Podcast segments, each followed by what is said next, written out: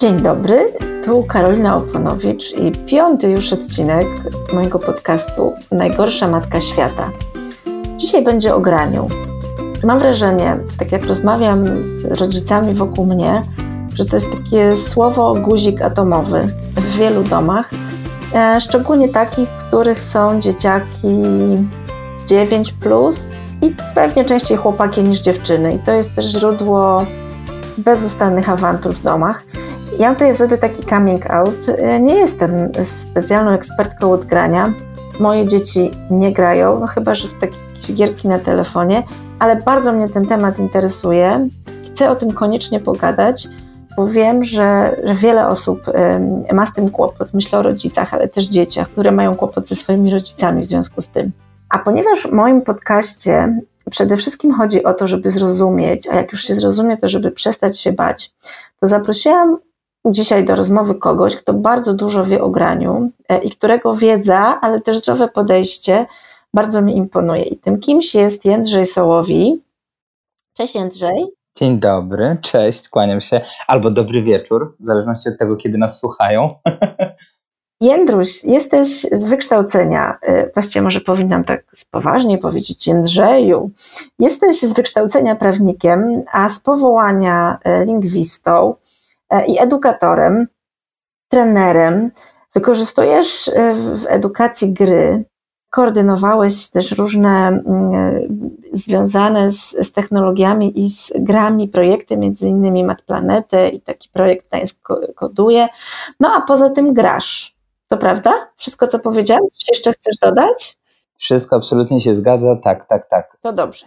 A w co grasz? W co dzisiaj grałeś na przykład? Dzisiaj akurat nie grałem w nic, e, tak to się e, złożyło, ale akurat w tej chwili, jeżeli mam się tak, e, mam, mam podsumować gry, w które obecnie grywam, które mam jakby na tapecie, no to będzie to na pewno Anno 1800, czyli bardzo fajna gra strategiczna, która obecnie jest w swoim trzecim roku. The Sims to standardowo, czwarta część, cały czas jest praktycznie na dysku prawie że najnowszy Assassin's Creed, czy coś jeszcze. Nie, więcej, więcej gier nie pamiętam. Ale powiedz, e, gdybyś miał tak oszacować, ile czasu dziennie zajmuje ci granie, czy tam nie może nie codziennie grasz, ale jakie to, jak, jak to statystycznie wygląda? Znaczy wiesz co, bardzo trudno tutaj statystycznie powiedzieć, bo są dni, tygodnie wręcz, tak, kiedy nie gram w ogóle, no bo życie, no ale na przykład są dni, weekendy, święta, jakieś dni wolne, a czasami też mi się zdarzy tak sobie zorganizować pracę, żeby na przykład mieć w środku tygodnia jakiś dzień, tam środa, czwartek, gdzie potrafię wsiągnąć praktycznie no, od rana do wieczora, prawda? Także to bardzo, bardzo zależy od wielu czynników, od tego, czy akurat jest jakaś dobra gra, której jeszcze nie przeszedłem, od tego, czy po prostu mam na to ochotę, od tego, jaka jest pogoda. Także to absolutnie nie można tak, nie mogę tak powiedzieć e, statystycznie. Czyli no powiedzmy od 0 do 10 godzin potrafi być. O rany. 10 godzin to powiem Ci robi na mnie wrażenie taka, taka informacja. Ale ja tego w ogóle nie odczuwam, wiesz, bo jak gra wsiąknie, to potrafię Ostatnio na przykład właśnie mm, The Last of Us, drugą część przeszedłem dosłownie chyba w, nie wiem, trzy dni no ale to było wtedy takie naprawdę, e, to był już maraton, tak? To było od rana do wieczora. E, głównie dlatego, że po prostu gra mnie niesamowicie wciągnęła ta fabuła, historia tych postaci, e, cały ten emocjonalny element, który był bardzo, bardzo angażujący, sprawił, że ja po prostu nie byłem w stanie tej gry odstawić. To jest tak jak z najlepszą książką, po prostu tak cię pochłania, że no, wszystko odchodzi na dalszy plan, dopóki nie e, zobaczysz napisów końcowych. No dobra, a jak to było u Ciebie, powiedz, jak byłeś małym chłopakiem? Znaczy pamiętasz ten moment, kiedy Cię te gry tak totalnie wkręciły? Tak, y, ja całkiem dobrze to pamiętam. E, szczerze mówiąc, teraz już nawet nie wiem, który to był e, rok. To najprawdopodobniej był rok 98. Hmm, więc wtedy ja miałem lat, szybka matematyka, 12. 86, 90, tak dokładnie. 12 e, lat, tak, czyli około tam piątej klasy. I, I, e, pojawiła się taka gra mm, komputerowa Baldur's Gate, po polsku zwana Wrotami Baldura. To jest gra z gatunku RPG, czyli role playing game, czyli takie jakby odgrywanie postaci. Mm, taka dosyć głęboka gra fabularna. No i ona pojawiła się na rynku w takim pięknym, bogatym wydaniu, pięć płyt CD, czyli jeszcze ani nie Blu-ray, ani nawet DVD, tylko stare, poczciwe CD-ki. I ta gra wyszła w pięknej polskiej wersji językowej. Tam wtedy wystąpili bardzo znani aktorzy, takie naprawdę mega gwiazdy ówczesnego kina. Obecnie też bardzo znani Wiktor Zborowski, Piotr Frączewski, e, świętej pamięci już Gabriela Kownacka. Na początku ja po prostu byłem zafascynowany tym, że coś takiego się pojawiło. I pamiętam, że mój kumpel z klasy tę grę dostał od rodziców i po prostu wtedy stwierdziłem, że muszę ją pożyczyć jak najszybciej. Jak on ją przyniósł do szkoły, to, to dla mnie było w ogóle coś takiego wow, jak to jest fajnie wydane, jaka to jest w ogóle gruba instrukcja, prawie 200 stron instrukcji, to praktycznie była książka. Ona jeszcze była taka stylizowana na mm, taki jakby atlas podróżnika, e, takie notatki e, e, o bierze świata. No ja po prostu wchłonął, jakby ta gra mnie wchłonęła bez reszty. E, no i jakby od tego ta cała moja przygoda związana z grami się e, rozpoczęła. Później się pojawiły inne gry w tym, w tym, w tym, w tym stylu, e, w tym klimacie. No oczywiście wtedy też na świat przyszła Lara Croft, tak, czyli jakby wtedy też, no może za dwa lata wcześniej seria Tomb Raider się rozpoczęła, no, która teraz jest klasyką, tak, to jest ludzie, którzy w ogóle nie kojarzą gier komputerowych, kojarzą Larę, bo przecież i były filmy, dwa z Angeliną Jolie, całkiem fajne, e, więc, więc jakby tutaj e, ta gra jako jedna z pierwszych przeszła tą, przekroczyła te granice, jakby stała się nie tylko grą komputerową, ale takim trochę jakby wydarzeniem kulturowym. No i od tego się wszystko zaczęło, tak? Jeszcze Settlersi, czyli gra strategiczna, także to już w dosyć młodym wieku e, było. Natomiast tak, jak ktoś mnie pyta, jaka taka pierwsza gra, która mnie nie wiem, złapała za serce, zafascynowała, no to to jest Baldur's Gate, czyli 98 rok. A pamiętasz reakcję Twoich rodziców na to, jak zacząłeś grać? Domyślam się, że skoro tak w to wsiąkłeś, to pewnie spędzałeś godziny przed tym komputerem. Aż tak dobrej pamięci to nie mam, e, ale nie było chyba żadnej bardzo złej reakcji, bo gdyby była, to zapewne bym pamiętał, tak? Pamiętam z kolei, że jakby w ogóle, kiedy pierwszy raz w życiu y, zobaczyłem, czy mieliśmy komputer w domu, to było chyba jeszcze parę lat wcześniej, e, na święta Bożego Narodzenia rodzice zrobili taki jeden wielki, porządny prezent. No a kupienie komputera dwadzieścia parę lat temu, no to to był zupełnie innego kalibru wydatek i obciążenie finansowe, więc jakby wtedy zakładałem, że przez najbliższe dwa lata i na Wielkanoc, i na święta, i na urodziny nic nie dostanę, bo był komputer i kompletnie mi to nie przeszkadzało, bo dla mnie to była w ogóle no, kompletna magia, ten sprzęt, e, kiedy on się pojawił u nas w, w domu. To pamiętam, że chyba bardzo szybko ojciec kupił Duma, czyli taką grę strzelankę. I jakby on też jakby się w tę grę bardzo wciągnął, więc tak naprawdę to przynajmniej w tacie miałem takiego trochę sprzymierzeńca, jeżeli chodzi o gry komputerowe. A mama generalnie jakby, no, to nie był do końca jej, jej świat, jej temat, także ona po prostu no, dbała o to, żebym o normalnej porze poszedł spać, żebym jadł, żebym drabiał lekcje, tak, żebym, żeby to jakby nie wpływało za bardzo na moje codzienne życie. Także, także ona bardziej pilnowała tutaj tych godzin, nie? Aha, czyli mama była osobą, która postawiła ci granice, jeśli chodzi o skalę grania. Znaczy, trudno powiedzieć, żeby ona stawiała jakieś granice, no bo ja też jakby nigdy nie dałem jej powodu do tego, żeby ona podejrzewała, że na przykład gry sprawiają, że się e, w nauce mm, jakoś e, no, obniżam, tak? Albo że e, właśnie nocy. Jakoś tak. Ja nie byłem aż takim, powiedzmy w cudzysłowie, problematycznym dzieckiem, tak, że noce zarywałem, czy coś takiego. Jakoś były oczywiście momenty, kiedy długo grałem, natomiast y, no, nigdy nie dawałem rodzicom powodu do tego, żeby widzieli, że to, y, że zawalam inne rzeczy, tak. I jakby też na dworzu sporo czasu spędzałem, tam biegałem na trzepakach, nie trzepakach, więc jakby tak jak mnie te gry bardzo zafascynowały i od początku wiedziałem, że to będzie moje hobby e, i jakby od samego początku y, byłem fanem gier, to też nigdy chyba nie miałem e, jakiegoś takiego, no, aż do przesady grania. E, słuchaj, ja pamiętam, jak w naszych rozmowach Wielokrotnie pojawiało się to, że bardzo wiele się dzięki tym grom nauczyłeś, że umiejętności, jakie zdobyłeś, y, procentują w Twoim dorosłym życiu. Możesz o tym opowiedzieć? Oczywiście. Ja tutaj właśnie mm, wszem i wobec każdy, ka, każdy, kto się pyta, każdemu, kto, kto się pyta, odpowiadam, że e, gry bardzo mocno jakby wpłynęły na moje życie. Przede wszystkim e, w kwestii języka angielskiego, w kwestii e, nauki języka angielskiego. Ja byłem bardzo zmotywowany do tego, żeby tego języka się jeszcze bardziej i jeszcze lepiej uczyć. Od zawsze ten język lubiłem, tak? Natomiast e, gry komputerowe tak jakby były pierwszą rzeczą, która sprawiła, że ja realnie poczułem wartość w języku, sens, bo x lat e, temu, jeszcze właśnie w, u schyłku XX wieku, polonizacja gier to było wielkie wydarzenie. Tak? Polska wersja e, gier to było święto.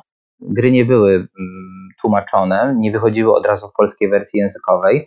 E, z pewnymi wyjątkami. Na przykład właśnie to Baldur's Gate było wyjątkiem i to naprawdę było święto na takim rodzimym rynku gier komputerowych.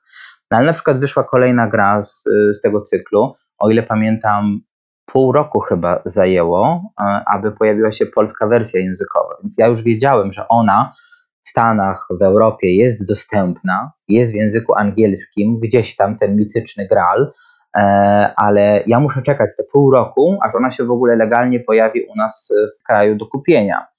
E, więc ja już wtedy czułem, że kurczę, jakbym znał język na tyle dobrze, to już mógłbym pomyśleć, gdzie ją tam kogoś poprosić, żeby mi kupił, przesłał, żebym mógł zagrać. To bardzo mocno wpłynęło na, na, na, na moją taką e, chęć, na motywację do nauki języka angielskiego. No i teraz język angielski jest moim narzędziem pracy, bo nie tylko, w, nie tylko nauczam języka angielskiego, ale też e, dosyć często e, pracuję w środowisku anglojęzycznym. Mogę z ręką na sercu powiedzieć, że gdyby nie gry komputerowe, to nie wiem, czy bym aż tak bardzo chętnie się tego języka uczył w wieku lat nastu, gdzie to jest najlepszy moment na, na naukę języka. Ja też widzę teraz, jak e, pracuję z nastolatkami, jak e, mam zajęcia z nastolatkami, jeżeli chodzi o język e, angielski, to jakby są te same motywatory.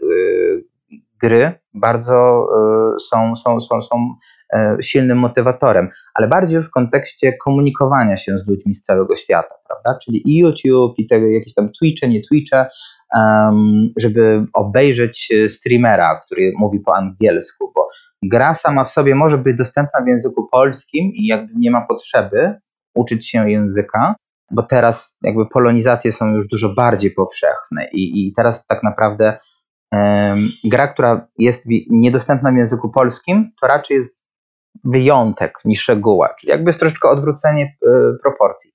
Natomiast to, co teraz istnieje, a czego nie było 20 lat temu, no to oczywiście te wszystkie social media, gdzie największe gwiazdy potrafią mieć dziesiątki, jeżeli nie setki milionów subskrybentów. No i oni na bieżąco, na żywo w języku angielskim komentują gry albo rozmawiają ze swoimi fanami. Więc teraz młodzież ma jakby chęć, żeby się tego języka uczyć właśnie w tym celu. Także język angielski był pierwszą rzeczą. E, a druga rzecz to generalnie rozwój takiego kreatywnego podejścia do tematu, jakiegokolwiek, bo kreatywność jest e, tak naprawdę postawą, to jest e, coś, co permanentnie się ma i co się cały czas rozwija. To nie jest tak, że kreatywność się włącza na przykład tylko wtedy, kiedy ktoś mówi: Dobrze, dobrze, teraz kreatywnie podejdźmy do problemu. To jest jakby taka otwartość na niecodzienne rozwiązania. I ja uważam, że często obcowanie z grami komputerowymi w wieku lat nastu sprawiły, że ja po prostu byłem bardziej elastyczny w jakichkolwiek problemach czy wyzwaniach, na, na które trafiam. Również poza Mm, grami komputerowymi. Podasz przykład? Jedna sytuacja miała miejsce podczas e, przeprowadzania naszego biura. I pamiętam, że była taka sytuacja, że mieliśmy e, regał Kallax do, e, do przeniesienia. To jest taki regał z IKEA, bardzo popularny chyba w każdym polskim domu. Kallax w jakimś tam wydaniu się znajduje. No więc ja sobie pomyślałem, ok, skoro można go łatwo przenieść w mieszkaniu, a mamy do nowej siedziby około 300-400 metrów, to z jednym naszym współpracownikiem, e, kolegą z biura, stwierdziłem, że po prostu weźmiemy pod pachę i przeniesiemy. No i tak generalnie już w windzie na klatce schodowej stwierdziliśmy, że to chyba jednak nie był aż tak dobry pomysł, bo ten kalaks bardzo szybko zaczął robić się bardzo niewygodny e, w noszeniu. No i jakieś, nie wiem, 40-50 metrów e, drogi minęło. No i już e, kolega z biura tak już troszeczkę patrzył na mnie z podełba, już tak trochę zaczynał kląć pod nosem, w co on się wpakował. jeszcze te, te chciał, że praktycznie prawie potknął się o hulajnogę. No i oczywiście zaklął się arczyście, mówi, kurczę, no nie dość, że jeszcze te kilkaset metrów to jeszcze się wypierdzieliłem o hulajnogę. Nie? I ja wtedy tak patrzę i mówię, ty, to chodź ją wynajmiemy i postawimy kalaksa na tę hulajnogę. Nie mówi, ale jak? No jak, to jest taki wielki kalaks. Mm, on miał jakieś, nie wiem, metr 40 na metr 40. Ja mówię, no słuchaj, bierzemy ją, stawiamy kalaksa pół na pół, 70 cm po jednej stronie, 70 po drugiej stronie. Ty trzymasz kalaksa, żeby się nie chybotał, e, a ja przez tego kalaksa biorę ręce i po prostu będę kierował tą hulajnogą, nie? Tak patrzę jak na wariata. Ale słuchaj, udało się, nawet mam zdjęcie, gdzie faktycznie prowadzę tego kalaksa, hulajnogę, e, mam, e, mam, mam pod tym kalaksem. No i w parę minut dosłownie przeszliśmy. Oczywiście wszyscy dookoła patrzyli jak na wariatów. Nam to nie przeszkadzało, bo i mieliśmy ubaw i udało nam się dużo bardziej komfortowo ten regał e, przetransportować. Więc jakby to jest świetny przykład na to, że jedna osoba może wręcz potknąć się o rozwiązanie i go nie zobaczyć, a druga osoba może. I uważam, że właśnie taka otwartość na to, co jest dookoła, ewidentnie u mnie pojawiła się e, właśnie dzięki temu, że przez lata E, gry komputerowe zmuszały mnie do rozwiązywania bardzo takich abstrakcyjnych problemów, bo byłem albo cesarzem w Rzymie, albo byłem szpiegiem, albo byłem komandosem, albo byłem trzycatą panią archeolog, która musiała tam uciec ze Sfinksa. Wiesz, jakby nie dość, że byłem w zupełnie innym ciele, zupełnie inną postacią byłem, prawda, to jeszcze byłem w zupełnie innym środowisku, w którym ja jako ja jako Jędrzej, nigdy bym się nie znalazł, więc jakby to mi pomogło tak dużo bardziej abstrakcyjnie i dużo bardziej tak oderwanie patrzeć na, e, na problem, na jakiś scenariusz, na sytuację, w której się znajduję. Gry są absolutnie dla każdego, bo na przykład e, The Sims ma taką łatkę, że to jest e, taka prosta, wręcz prostacka gierka dla dziewczynek ja na przykład w The Sims odnalazłem e, rewelacyjne narzędzie właśnie do takiego kreatywnego tworzenia mieszkań przestrzeni. Powiem Ci, że naprawdę ja co do 5 centymetrów jestem w stanie ocenić, oszacować e, szerokość, wysokość, a później jak jadę do IKEA, żeby zrobić zamówienie, to jest po prostu sztos kokos, miód. Po prostu to jest trzy razy łatwiej, trzy razy szybciej. Mm, na przykład sufit u nas w biurze obniżyłem dokładnie do tej wysokości, żeby była wielokrotność modułowego mebla w IKEA, bo doskonale wiedziałem, co będziemy potrzebowali w pokojach, y, jakby ile jednostek tych, y, y, tych mebli będziemy mieli. Jakby to wszystko uważam, że osiągnąłem właśnie przez to, że tyle lat dłubałem w tych Simsach i te mebelki tu przestawiałem, tam przestawiałem, okno tu musi być, a drzwi muszą być 10 centymetrów tu. To było dla mnie świetne pole takie do, do e, spełniania się w takim trochę kreatywnym aspekcie. Więc zobacz, Karolina, są tak jakby trzy elementy, trzy, trzy ważne aspekty, które e, gry u mnie e, rozwinęły. Więc Wiesz, bo ja jestem z tego pokolenia, w którym tylko no, niewielka część z nas miała w podstawówce komputer. A nawet jak już ktoś ten komputer miał, to gry, które tam były zainstalowane, to, to były zupełnie proste gry, więc już trudno dziwić się e, tym współczesnym rodzicom nastolatków, e, że z ich perspektywy gry mogą być stratą czasu, no szczególnie strzelanki. Podejrzewam, że mało wiemy i mało rozumiemy te gry, e, więc jestem Ci bardzo wdzięczna, że pokazujesz tę drugą stronę. E, a w ogóle to muszę Ci powiedzieć, że jestem pod ogromnym wrażeniem książki Jordana Shapiro Moje cyfrowe dzieciństwo.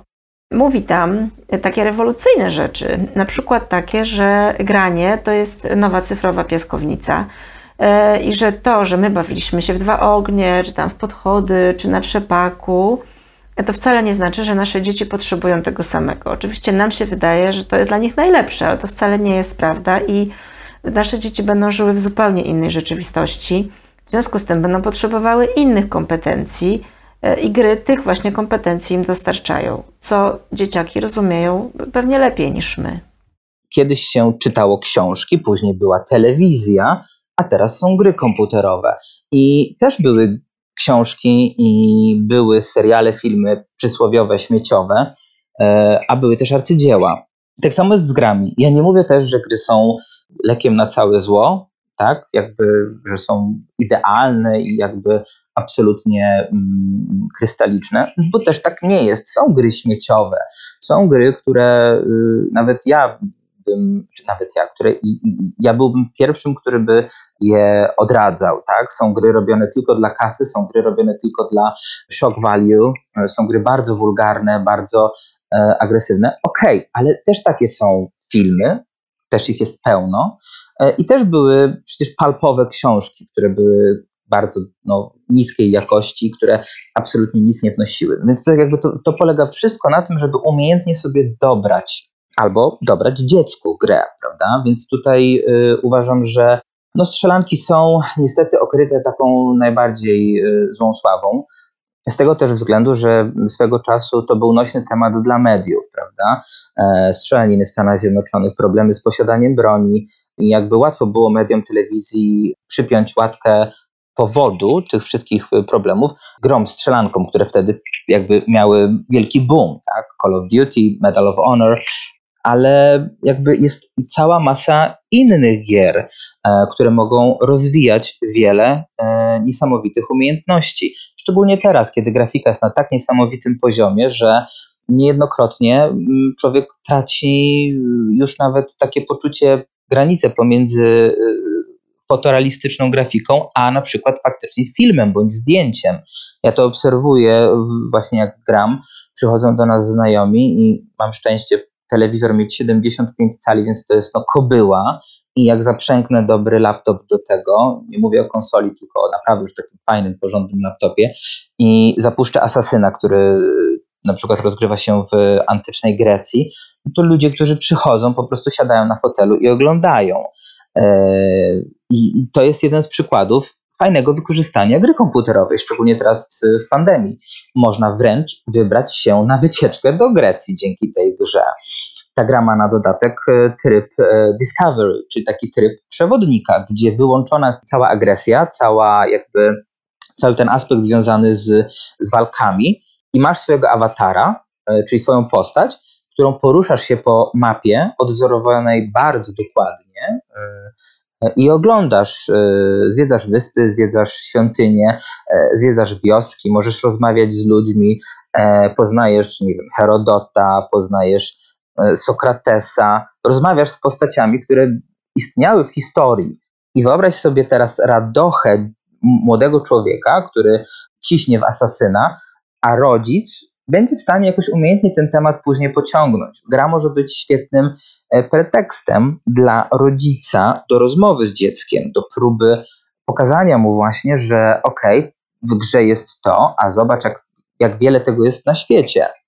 Nie, no jasne, rozmowa i obecność rodzica jest w tym wszystkim super ważna. Zresztą e, Shapiro w tej książce Nowe cyfrowe dzieciństwo mm, y, mówi coś takiego. Nasz opór wobec cyfrowych form zabawy jest daremny, niczym niechęć Sokratesa do rozwoju pisma.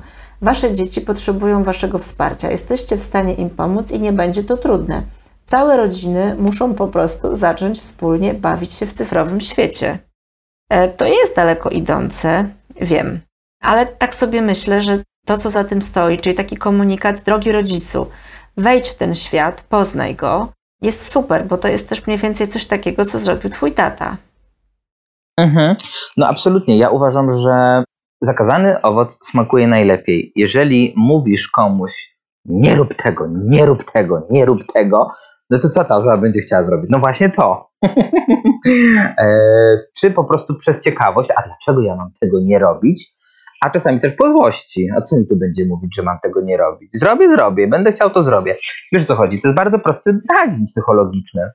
Rodzic też yy, właśnie w ten sposób, akceptując to, że gry stały się już takim immanentnym elementem życia. No słuchaj, gry komputerowe w zeszłym roku wygenerowały takie obroty na świecie, że no, słuchaj, no jakby ona, y, gry komputerowe 2-3 lata temu szły web w web z Hollywood teraz, jeżeli porównasz przychody za rok 2020 wytwórni filmowych, a wytwórni y, produkujących gry komputerowe, no to nie trzeba być Einsteinem, żeby się domyśleć, kto pięcio czy sześciokrotnie w tym momencie ma mm, mm, przebicie, prawda? Oczywiście gry komputerowe. Wiadomo, że chodzi o rok pandemii, rok, kiedy ludzie byli zamknięci w czterech ścianach, e, gdzie kina były za, zamknięte, ale przecież były Netflixy, HBO, wszystkie streamingi, a mimo wszystko ludzie lgną do gier komputerowych, więc to jest, to już, to, to już jest z nami, to już będzie, to już zostanie. Więc jakby y, dlaczego by nie, nie spróbować y, zrobić z gier swojego przymierzeńca, sprzymierzeńca w y, kontakcie z dzieckiem? Zresztą Przemek Staroń, wspomniany tu już, w swojej książce Szkoła Bohaterek i Bohaterów, w której opowiada o tym, jak za pomocą dzieł kultury rozwiązywać problemy życia codziennego, powołuje się też na gry. E, I co więcej, on stawia te gry no, na równi w zasadzie z arcydziełami literatury czy filmu. To może być dla rodziców nastolatków, czyli takich obecnych 35-40-latków, nieco zaskakujące, przyznasz. Mm, wiesz co, to też y, zastanawiam się, jak to, jak to jest dzisiaj, no bo 35-40-latkowie obecni mogą już mieć E, dzieci w wieku lat 10-12, prawda, 14, więc to, e, a, a, a sami e, za młodu już mogli do tych gier jakby lgnąć, prawda? Tu nawet nie chodzi o to, że ci rodzice nie grają w gry, tylko być może to jest tak, że jakby po prostu utarło się przekonanie, że wiesz, nawet jak rodzic sobie w PlayStation potnie w jakiegoś właśnie tam God of War czy w jakąś inną strzelankę, to po prostu on ulegnie tej ogólnej, takiej mylnej bardzo opinii, że, że, że gry są nie dla dzieci, że dzieci nie mogą w to grać i jakby utraci najbardziej niesamowity potencjał, jaki ma. To, że on sam gra w te gry. Więc on byłby najlepszym, najbardziej wiarygodnym przewodnikiem dla tego młodego e, człowieka po grach jakby usiąść na sofie razem z córką, razem z synem i pomyśleć, dobra, jaka może być gra, w którą oboje możemy, e, obaj oboje możemy zagrać. No byłoby super. Ja, ja, ja absolutnie tutaj uważam, że nawet gry, które teoretycznie mogą być uznawane za gry 18, nie trzeba się ich tak naprawdę bać. Z pozycji rodzica oczywiście, bo no nie ukrywajmy, dzieciaki w te gry grają znam nie jednego 12-13-latka, który gra w Assassin's Creed, e, a to są gry 18 plus teoretycznie, tak? Czyli to są gry tylko dla osób pełnoletnich niby. No i teraz pojawia się pytanie, czy rodzic ma dzieciakowi zabraniać w tę grę grać, a w tym momencie tylko tego dzieciaka motywuje, żeby obchodzić te wszystkie zabezpieczenia i grać u znajomego, grać w czasie, kiedy e, rodzica nie ma w domu, bądź jest w innym pokoju, na Zoomie, na konferencji, e, czy może spróbować się właśnie zainteresować, co to jest za gra i co tam jest takiego, co to dziecko przyciąga i jak to można wykorzystać w dobrym celu. No właśnie takiego asasyna można świetnie wykorzystywać do zainteresowania historią. To jest już 11 gier, e, które rozgrywają się w antycznej Grecji, w antycznym Rzymie, e, w czasach krucjat, w czasach odkryć geograficznych, w mm, Ameryce Środkowej, w czasach e, piratów. No wiesz, Karolina, to są tak niesamowite punkty wyjścia do podsunięcia dziecku jakiejś fajnej książki historycznej, albo nawet na Discovery Channel, na National Geographic wyszukać filmy o tym okresie. No i jakby dziecko wtedy zobaczy, że to nie tylko gry, prawda? No dobra, ale do tej pory mówiliśmy cały czas o takim pozytywnym obrazie grania. E, I oczywiście fajnie by było, żeby taki pozytywny obraz w każdym domu funkcjonował, ale ja się nasłuchałam mnóstwa historii, naprawdę, uwierz mi, mnóstwa, mm, o dzieciakach, które przestały wychodzić z domu, bo interesują je tylko gry, albo o dzieciakach, które obchodzą wszelkie zabezpieczenia, które rodzice mm, ustawiają, byleby tylko grać. E, o dzieciakach, które, wiesz, wstają w nocy, jak cały dom śpi, żeby dostać się do komputera. E, ja już oczywiście nie mówię o graniu podczas zdalnych lekcji, e, bo to jest, wydaje się, norma, szczególnie w przypadku chłopaków. Być może oburza Cię to, co powiedziałam, i może uznasz to za, za seksistowskie, ale no, chyba statystycznie rzecz biorąc, dziewczyny rzadziej grają. A wiem, że chłopaki, przynajmniej y, ci w wieku mojej młodszej córki, tną w tego Fortnite'a, umawiają się i też robią to znakomicie y, podczas lekcji. Potrafią się super kamuflować i rodziców i nauczycieli wyprowadzić w pole. I wiesz, to oczywiście jest zabawne, ale też mimo wszystko skala tego w niektórych przypadkach może być niepokojąca. I zastanawiam się, jakie ty miałbyś tutaj rady dla rodziców takich dzieciaków. Moim zdaniem, jakby bardzo ważne jest to, żeby zastanowić się e, po prostu, dlaczego tak się dzieje. Czy, czy, to, czy, czy to sama gra jest aż tak bardzo zajmująca, że, że poświęca jej się tyle czasu, że dziecko gra tak długo, e, czy może jest to coś innego. I, tutaj elementów może być wiele. No, na przykład może się okazać tak, że gra jest jedynym, co to dziecko ma e, w ciągu dnia. E, z racji tego, że rodzice są zajęci pracą, całymi dniami albo pracują, albo teraz siedzą w innych pokojach na, na Zoomach, mm, a dziecko tylko zna gry. Więc być może fajnie byłoby spróbować zainteresować e, dziecko e, czymś innym, tak? Właśnie, czy jakąś książką, czy jakimś filmem, nawet nawiązującym do tego, w co to dziecko gra. Inna kwestia też jest, e, też jest taka, że faktycznie teraz podwórko przeniosło się do wirtuala i rodzice, no wiadomo, w tym roku, tak, pandemicznym czasie trudno mówić o, to, o, o tym, że, żeby dziecko wyszło na dwór. No, to tutaj właśnie paradoksalnie ten rok bardzo sprzyja wirtualności. No ale to jest, y, y, y, to jest właśnie to, o czym ty też wcześniej wspomniałaś. Po prostu przeniosły się te wszystkie społeczne interakcje w środowisko wirtualne. Sama nawet pięknie przed chwilą powiedziałaś, że skrzykują się na takie swoje wirtualne podwórko. Nie? I jakby no, tutaj za, za, bardzo nie możemy, nie możemy za dużo poradzić na to, że po prostu cywilizacyjnie punkt ciężkości przeniósł się z tego siedzenia na trzepaku na to siedzenie na wirtualnym trzepaku. I być może to jest niestety, ale trochę praca rodziców, żeby oni zmienili swoje nastawienie, żeby oni zrozumieli i zaakceptowali, że to już nie będzie tak, jak za ich czasów, że dzieci będą po prostu lgnęły na dwór. Niestety nie. No więc wtedy trzeba też się zastanowić po prostu na ile E, na ile zapewnić e, też taki zdrowy balans, e, nawet psychofizyczny, prawda? Ale można też przecież nawet dzieciaka tak fajnie zgamifikować, wymyślić jakiś sposób na mm, po prostu taką umowę. Ok, ustalić po prostu jakiś system nagród, raczej nie kar, tylko nagród. Te gry można użyć jako nagrodę za to, że w innych dziedzinach y, dzieciaki dobrze sobie radzą albo wykonują wszystkie obowiązki, czy, czy, czy, czy to, co rodzice im nakażą zrobić, tak? I wtedy można na przykład ustalić jeden dzień w tygodniu, gdzie jest hulaj dusza, piekła nie ma. Jeżeli dziecko chce od 9 do 22 cisnąć w grę, jeden taki dzień może być pod warunkiem, że na przykład będzie jasno umówione, że to wynika z tego, że na przykład poradziło sobie dobrze na teście, albo przez cały tydzień pomagało w pracach domowych, albo kiedy rodzice są w pracy, pomaga w opiece nad rodzeństwem. Wiesz, Kolina, takie po prostu jakby mm, wprowadzenie gry jako po prostu takiego fajnego, pozytywnego wzmocnienia za pracę w domu, tak? Pracę, pracę, pracę w rodzinie. E, świetny pomysł. E, czyli gamifikujemy, przenosimy zasady obowiązujące w grze do życia codziennego.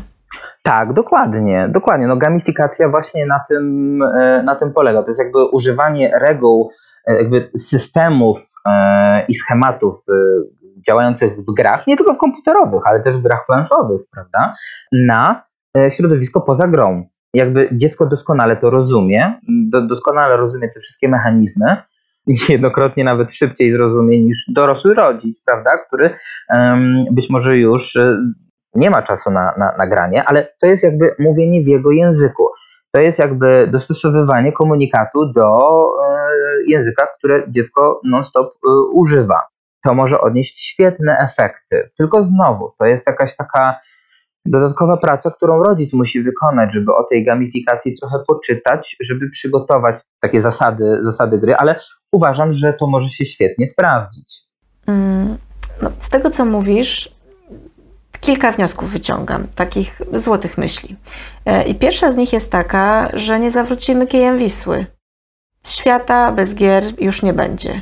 Zamiast się wkurzać na to e, i to deprecjonować, to chyba trzeba to oswoić. Dajcie szansę tym grom. Ja dla, jeżeli, przepraszam, że ci wejdę w słowo, ale tak mi teraz właśnie przyszło, przyszło do głowy, że e, jeżeli ja mógłbym jakby zostawić naszych słuchaczy z takim jakby jednym z jedną myślą, z jednym wnioskiem, to po prostu dajcie szansę grom. E, e, poświęćcie trochę czasu na zgłębienie tego, w jakie gry wasze dziecko gra, bo jest mnóstwo gier, które są naprawdę niesamowicie rozwijające. Są gry strategiczne, e, które pozwalają w przyszłości lepiej podejmować decyzje, lepiej przewidywać ruch przeciwnika, a to się nawet może przenieść na biznesowy aspekt E, późniejszej pracy, negocjacje, prawda, e, kombinowanie lepszych warunków umów, czytanie ze zrozumieniem, bo paradoksalnie są też gry, które opierają się na tekście. One teraz w dzisiejszych czasach nie są zbyt popularne, ale są gry, które wymagają bardzo dużo czytania, albo nawet jeżeli nie czytania, to bardzo dużo słuchania, co do ciebie się mówi i wykorzystywania tych informacji. Więc jednak jakaś taka umiejętność e, czytania z zrozumieniem i refleksyjnego e, przyjmowania informacji, gry też mogą to e, rozwijać. Więc absolutnie uważam, że rodzice też mogą sami jakby spróbować grać, bo mam takie wrażenie, że dużo osób jednak ma poczucie, że gry są właśnie dla dzieci. Absolutnie się z tym nie zgadzam obecnie gry, które wychodzą, są tak, potrafią być tak niesamowicie rozbudowane w warstwie też fabularnej i emocjonalnej, albo też potrafią być tak pełne akcji i takich niesamowitych e, efektów audiowizualnych, że e, wciągają dużo lepiej niż najlepszy mm, hit kinowy, dlatego że ty jesteś wtedy tym centrum, tym głównym bohaterem. To ty ratujesz świat, to ty odkrywasz cywilizację, to ty biegasz po grobowcach. I być może, jeżeli rodzice po prostu od, odczarują ten taki negatywny, e, to, to negatywną e, opinię, jaką gry u nich mają, to może się okazać, że to może być niesamowite wspólne hobby. Przyznam, że zabrzmiało to intrygująco, aż mi się zachciało spróbować. E, I wiesz, ja mam takie wspomnienia, mówię, że jestem taka antygamingowa, ale mam takie wspomnienia z, gdzieś tam z, wczesnej młodości, kiedy się siadało z grupą znajomych przy jednym komputerze, na przykład grało w Prince of Persia, w taką poziomówkę e, i zwykle jedna, dwie czy tam trzy osoby na zmianę grały, a cała reszta wisiała nad nimi i kibicowała. E, I to było rzeczywiście ekscytujące. E, no co prawda nie wiem, gdzie bym miała w ten mój, wiesz, plan dnia pełen punktów do odhaczenia wcisnąć to granie, ale może by się udało, tak ładnie zachęcasz. Dobra, Jędrek, jeszcze jedna rzecz, którą, o której chciałam z Tobą pogadać. Y, złe gry. Bo mówisz o tych dobrych i tutaj cała, całą listę usłyszeliśmy, ale na pewno są też złe. Po czym je poznać? To jest bardzo dobre pytanie. Wiesz, no, na pewno warto poczytać y, w internecie recenzje. Y, warto poszperać w klasyfikacjach wszystkich europejskich instytucji, które nadają klasyfikację. To może być już taki troszeczkę już jakiś e, identyfikator złych gier. Dopóki też rodzic nie poświęci chwili i nie zagra w grę, albo nawet nie, nie, nie obejrzy, e, w co dziecko gra, no to oczywiście nie będzie wiedział. Na pewno gry, które bezsensownie e, epatują agresją. No i znowu tu się pojawia pytanie, co jest bezsensowne, co jest sensowne, prawda? E, no, strzelanki tutaj są takim troszeczkę y, są takim sztandarowym przykładem. Każdy, kto chce powiedzieć, że gry są złe, gry są agresywne, gry są bezmyślne, to podaje, e, podaje strzelanki. Ale nawet teraz sobie myślę w ten sposób. Jest taka gra Wolfenstein, która była oryginalnie x lat temu, teraz e, parę lat temu pojawiły się rebooty, czyli jakby nowe wersje tej opowieści. To jest gra, gdzie strzela się do nazistów, tak w największym skrócie, żeby to powiedzieć. Tak więc to jest niby strzelanka. Natomiast w tej nowej wersji już wątek fabularny został tak fajnie poprowadzony, e, że ty będąc tym bohaterem czujesz naprawdę gorycz wojny, czujesz bezsens tej wojny, odczuwasz emocjonalny bagaż związany z utratą najbliższych, e, z tymi wszystkimi dramatami, e, które, które wojna sprowadza. Tam jest tak jakby alternatywna historia, gdzie Hitler nie przegrał i już w latach 60. podporządkował sobie całą Europę, Stany Zjednoczone i jesteś jakby takim ruchem oporu. No więc teoretycznie to jest głupia strzelanka agresywna, ale potrafi pokazać bezsens wojny z kolei y, gra polskiego studia y, Eleven Beats y, This War of Mine to jest z kolei gra, która wręcz powinna być obowiązkowa dla każdego rodzica i dziecka do przejścia, moim zdaniem. To jest właśnie gra, która pokazuje wojnę od zupełnie innej strony. Ty tam nie jesteś super żołnierzem, który ma x żyć i jednym strzałem każdego powali, tylko tam jesteś uchodźcą, tam jesteś osobą, która przeżyła atak wojenny i musi się odnaleźć w tej e, postwojennej rzeczywistości. I tam z kolei na pierwszy plan wychodzą e, moralne dylematy związane z tym, komu pomóc, komu nie pomóc. E, nawet takie rzeczy jak dzielenie się racjami żywieniowymi. Naprawdę, tam są bardzo trudne decyzje do podejmowania. I gra jest, gra też jest bardzo brutalna, ale ona z kolei bardzo zmusza później do myślenia. Tylko dla mnie ważne jest, wa, wa, ważne jest to, że trudno jest oczekiwać od 12-14-latka e, refleksyjności już dorosłego człowieka po tych wszystkich jakby doświadczeniach, tak, 30-40-latka. No, siłą rzeczy tak nie będzie, ale właśnie tu powinna być rola rodzica, który wiedząc w jaką grę gra dziecko, jest w stanie później zapewnić ten kontekst, e, porozmawiać, opowiedzieć, za, zaproponować lekturę, film, e, żeby obejrzeć, e, nawet opo poopowiadać chociażby kwestie właśnie wojny, konfliktów, jak to było. Nawet taka teoretycznie zła gra może zostać użyta wiesz, w, w, dobrym celu. Są oczywiście gry, które są po prostu zapychaczami czasu, ale nawet one są czasami potrzebne, żeby, że tak powiem, bezmyślnie przez godzinkę popykać w, w Robloxa, w tego Fortnite'a, e, czy, czy, czy jakiekolwiek inne mm, strzelanki. Bo ważne jest też to, że jednak to nie te strzelanki będą przysłowiowego agresywnego człowieka wychowywały. To trochę tak jak jest z nożem. 99% ludzi będzie używało noża tylko i wyłącznie do krojenia, ale jeżeli ten 1% użyje do, e, do agresji, użyje do zaatakowania, no to teraz jest pytanie, czy to producent noża jest pociągnięty do odpowiedzialności, prawda? Tutaj zawsze trzeba się zastanowić, że jednak gdzieś indziej e, jest tysiąc innych powodów, tysiąc innych bodźców, które mogą jakby spowodować te, te, te, te, te reakcje. Gry same w sobie, tylko gry, czegoś takiego nie, mo, e, nie powodują. Dlatego, jeżeli obserwujemy u dziecka właśnie to, że ono całymi dniami siedzi przy grach komputerowych, to nie do końca tutaj chodzi o gry komputerowe. Ja bym się bardziej zastanowił, że dziecko ma gdzieś bardzo głębokie poczucie braku bądź niespełnienia. I akurat gry komputerowe mu to poczucie dają, zapełniają mu ten brak. I warto się wtedy bardziej zastanowić, właśnie zejść ten poziom niżej. Nie zostać tylko na powierzchni, że dziecko gra w grę całymi dniami, tylko zastanowić się, dlaczego i jakby co jest tego przyczyną, nie?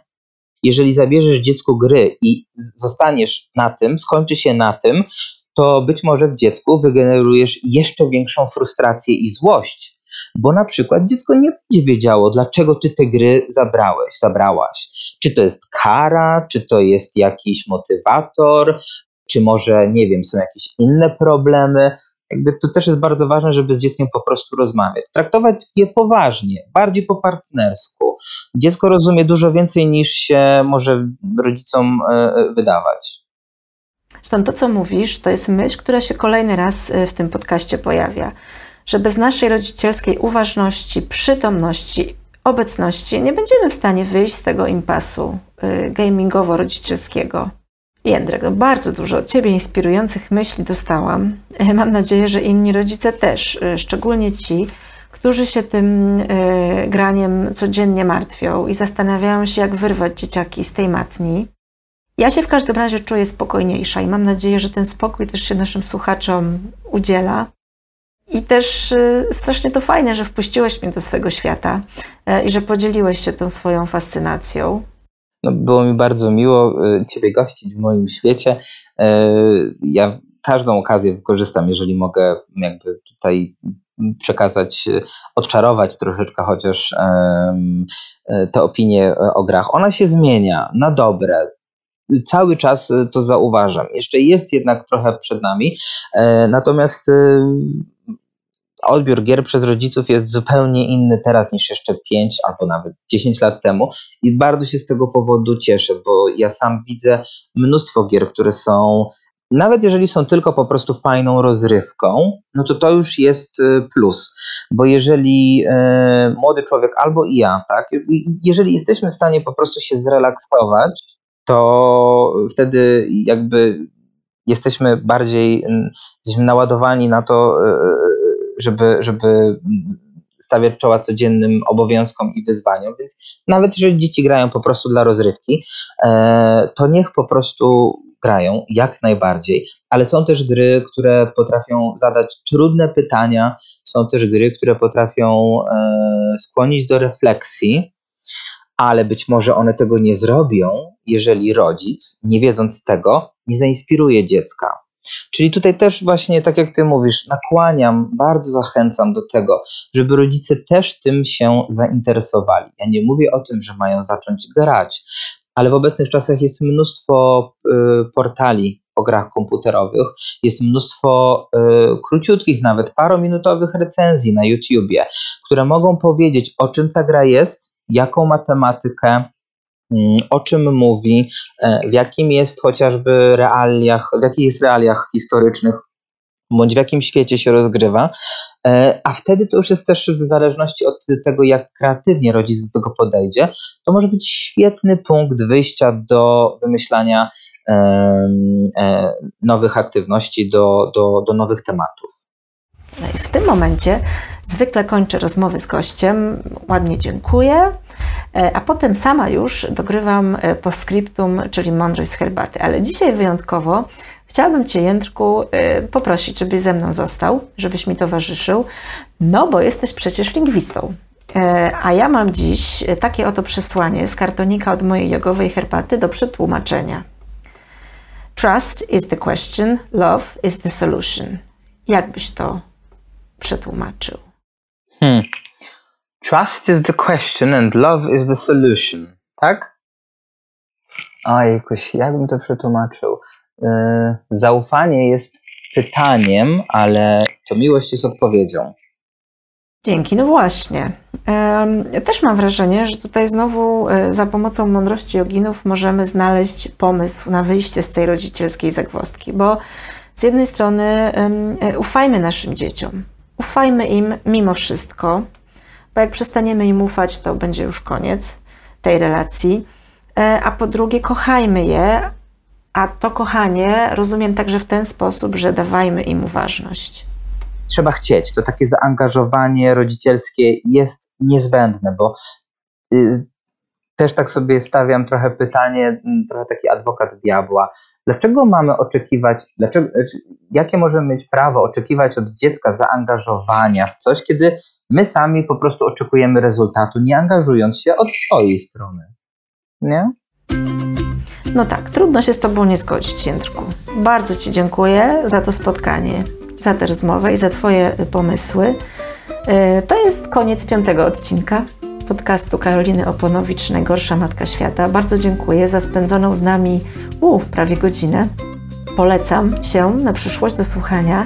Polecajcie też innym rodzicom y, zaplątanym zmartwionym mój podcast. Można go słuchać na Spotify'u, na Google Podcast, Apple Podcast, y, na iTunesie, ale też można go słuchać na YouTubie. Do usłyszenia. To była Najgorsza Matka Świata. Karolina Oponowicz.